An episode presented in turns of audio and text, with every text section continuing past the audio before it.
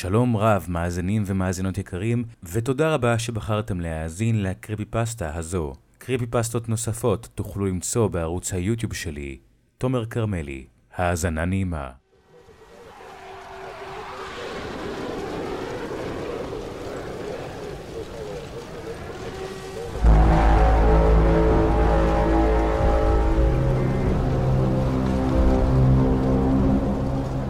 ראש סירנה הוא אחת מיצירות האינטרנט של האומן טרוור הנדרסון, שהתפשט כמו עץ בשדה קוצים ברחבי האינטרנט. זה יצור ענק וגבוה, עם שתי סירנות בקצה שלו, והוא בדרך כלל מטיל את אימתו על אנשים שמסתובבים ביערות. משהו קרה לי בדיסנילנד לפני כמה שנים. משהו שגרם לי להאמין שהנדרסון ביסס את היצירה שלו על משהו שבאמת קיים בעולם האמיתי.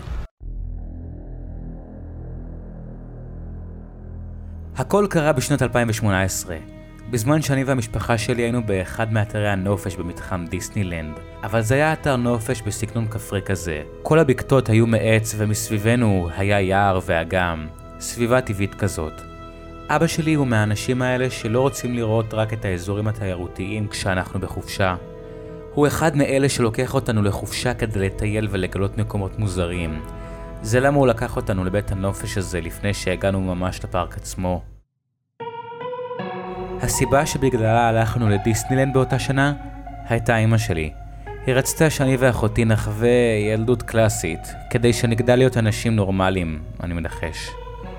אני לא יודע אם זה היה בגלל שאני הייתי הגבר של המשפחה או משהו כזה, אבל אבא שלי, אבא שלי לא אוהב את הרעיון. בכל מקרה, כשהפארק נסגר באותו הלילה, במקום לחזור לבקתה ולצפות ולשבור את הקרח עם אחותי ואימא שלי, אבא שלי ואני החלטנו לצאת לחקור את הסביבה ליד בית הנופש שבו שהיינו, ולראות אילו דברים נוכל למצוא. הלכנו לרציפים ליד האגם שהיו מאחורי בית הנופש. בגלל שהשעה הייתה עשר בלילה, וזו לא הייתה עונת התיירות, רוב האנשים חזרו לבקתות שלהם, מה שהפך את המקום למאוד ריק וקריפי. הלכנו לאחד הרציפים, הסתכלנו על האגם הגדול שנפרס לפנינו, ודיברנו קצת על החיים עם קופסת גלידת הורה או שוקולד. אתם יודעים, שיחת אבא ובן נורמלית. אחרי כמה רגעים, פתאום משהו מוזר קרה. זה היה הד מוזר של מה שנשמע כמו סירנה. עוברת דרך העצים ומגיעה לכיווננו. לא ראינו שום אורות חירום מהמלון או משהו, אבל הנחנו שהאזעקה הייתה רחוקה מדי מהמלון כדי שאנשים בפנים ישמעו אותה. אז כמובן שאבא שלי גרר אותי לכיוון ממנו באה האזעקה כדי לבדוק מה זה היה. כשהגענו ליער שהיה ליד האגם, למזלנו, מצאנו שביל שהוביל אותנו אל תוך היער. אחרת, לא היה לי את האומץ להיכנס לשם. גם ככה הייתי מפוחד מהסירנה הזו. אם להיות כנה, אף פעם לא ידעתי שיש אשכרה יערות שלמים בתוך האזור של דיסני, אבל אבא שלי אמר שרבים מהיערות האלה שייכים למדינה ונחשבים כאתרים לאומיים. ככל שהתקדמנו יותר ויותר פנימה, אבא שלי היה נרגש יותר. הוא הוציא את הפנס שלו, והוא היה נראה נחשק לגלות את התעלומה הזו. אני הייתי בספק אם באמת נמצא משהו. העצים ביער הזה היו עצומים, ולא ידענו באמת מאיפה בדיוק הרעש הזה הגיע. אבל אז שמענו משהו הרבה יותר מצמרר מהרעש הראשון.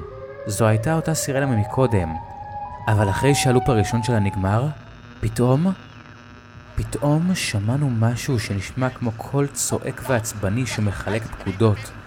זה היה נשמע כמו גרמנית. זה... זה היה נשמע כמו היטלר. שפשפתי את האוזן כדי לוודא שאני שומע טוב, וזה אכן מה ששמעתי. לא האמנתי למה ששמעתי. למה שדיסנילנד, או כל דבר אחר, ינגן את קולו של הצורר הנאצי באמצע היער?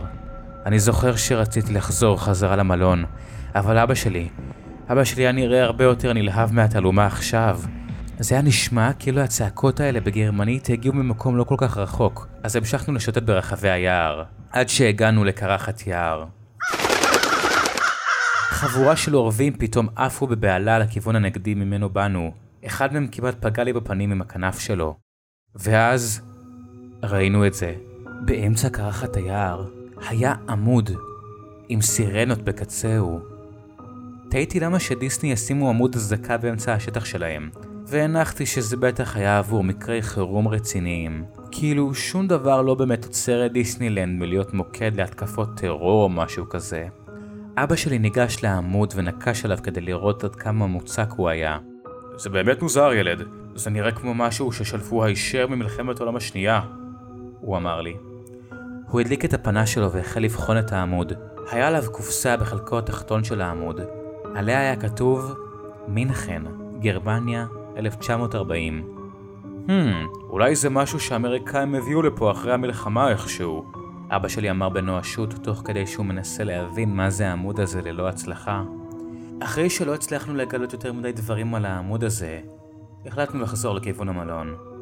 אבל כשהתחלנו ללכת לכיוון ממנו חשבנו שבאנו, קלטנו שהלכנו לאיבוד.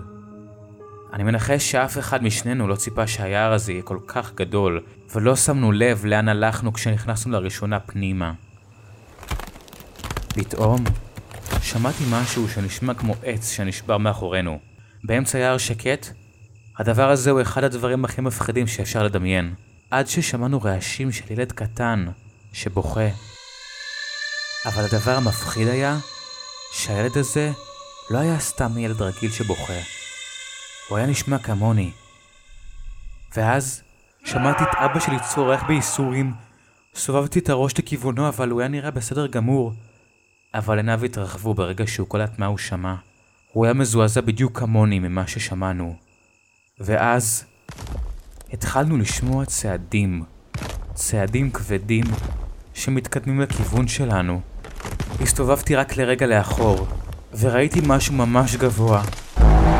זה היה אותו עמוד סירנה, מבצבץ בין קצות העצים מאחורינו, מתקדם לכיווננו. זה היה כל כך גדול, שזה בקלות הפיל עצים למטה ופינה על עצמו את הדרך. אבא שלי תפס ביד שלי הכי חזק שיכול, והתחלנו לרוץ דוך ישר. לא ידענו לאן אנחנו רצים, אבל ידענו שלא רצינו שהדבר המחריד הזה יגיע אלינו. קיווינו שאם נרוץ בכיוון אחד, זה יוביל אותנו מחוץ ליער בשלב מסוים. אחרי כמה דקות, סוף סוף ראינו שביל. ואבא שלי קלט שזה אותו שביל שהוביל אותנו בכניסה פנימה. כשהגענו לסוף היער, העפתי מבט לאחור וראיתי שהדבר העצום הזה נשאר במקומו. ראש סירנה. הסתכלתי עליו, ובקצה קלטתי את שני הצופרים, מכוונים לכיווני.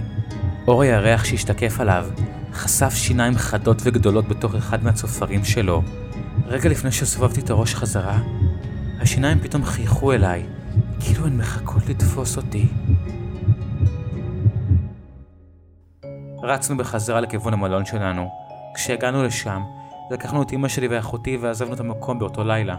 אף אחד מאיתנו לא מדבר על זה מאז, ואנחנו די מתנהגים כאילו הדבר הזה לא קרה לעולם. עד שמצאתי באינטרנט על טרוור הנדרסון ועל תופעת ראש הסירנה. לאחרונה מצאתי עוד מספר אנשים באינטרנט שכתבו לי שגם הם מצאו את הסירנות המוזרות האלה באמצע היער. אמנם כל מי שהתקרב לראש סירנה ונשאר חי כדי לספר על המקרה, העיד שעל כל ראש סירנה הייתה כתובה שנה ומיקום אחר מזה שאנחנו ראינו. שמעתי על אחד מפרל הרבור בשנת 1941, ועל אחד מראשימה ונגסקי בשנת 1945. כל אחד מהמקומות האלה חברו טרגדיות גדולות. התיאוריה שלי היא שראשי הסירנות האלה נודדים ברחבי העולם, כדי לגרום לבני האדם לסבול כמה שיותר בכל מקום שהם יכולים, והם ימשיכו לזרוע סבל, כל עוד ניתן להם.